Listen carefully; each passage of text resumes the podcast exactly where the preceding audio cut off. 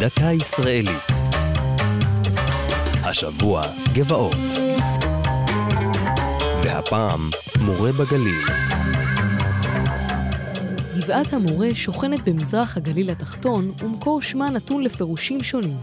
מלבד הסברים על הוראת הדרך או על הדרכה רוחנית מפי כהנים מקומיים, יש המקשרים את שם הגבעה לגשם הראשון, היורה, או ללבה הנורית מלוע הר געש.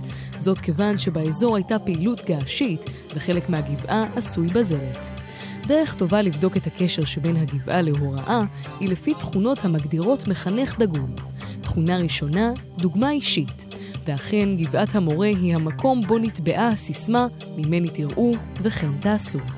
היה זה כאשר השופט התנ"כי גדעון הוביל את חייליו להתקפת פתע לילית על מחנה האויב המדייני, לרגלי הגבעה, כמסופר בשופטים פרק ז'. תכונה נוספת, הקניית רוחב אופקים.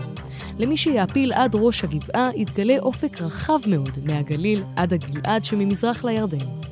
ותכונה שלישית של מורה טוב, מסירות לחניכים, אף היא מתקיימת כאן בדמות המוסד כפר ילדים, שקם לרגלי הגבעה ב-1922, וקלט יתומים מפרעות פטליורה שבאוקראינה. וכך, גם אם הלבה הגעשית כבר התקררה, והיורה כבר חלף, יש עוד מה ללמוד מגבעת המורה.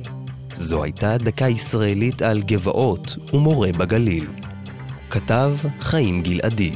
ייעוץ הדוקטור צבי צמרת. ייעוץ לשוני הדוקטור אבשלום קור.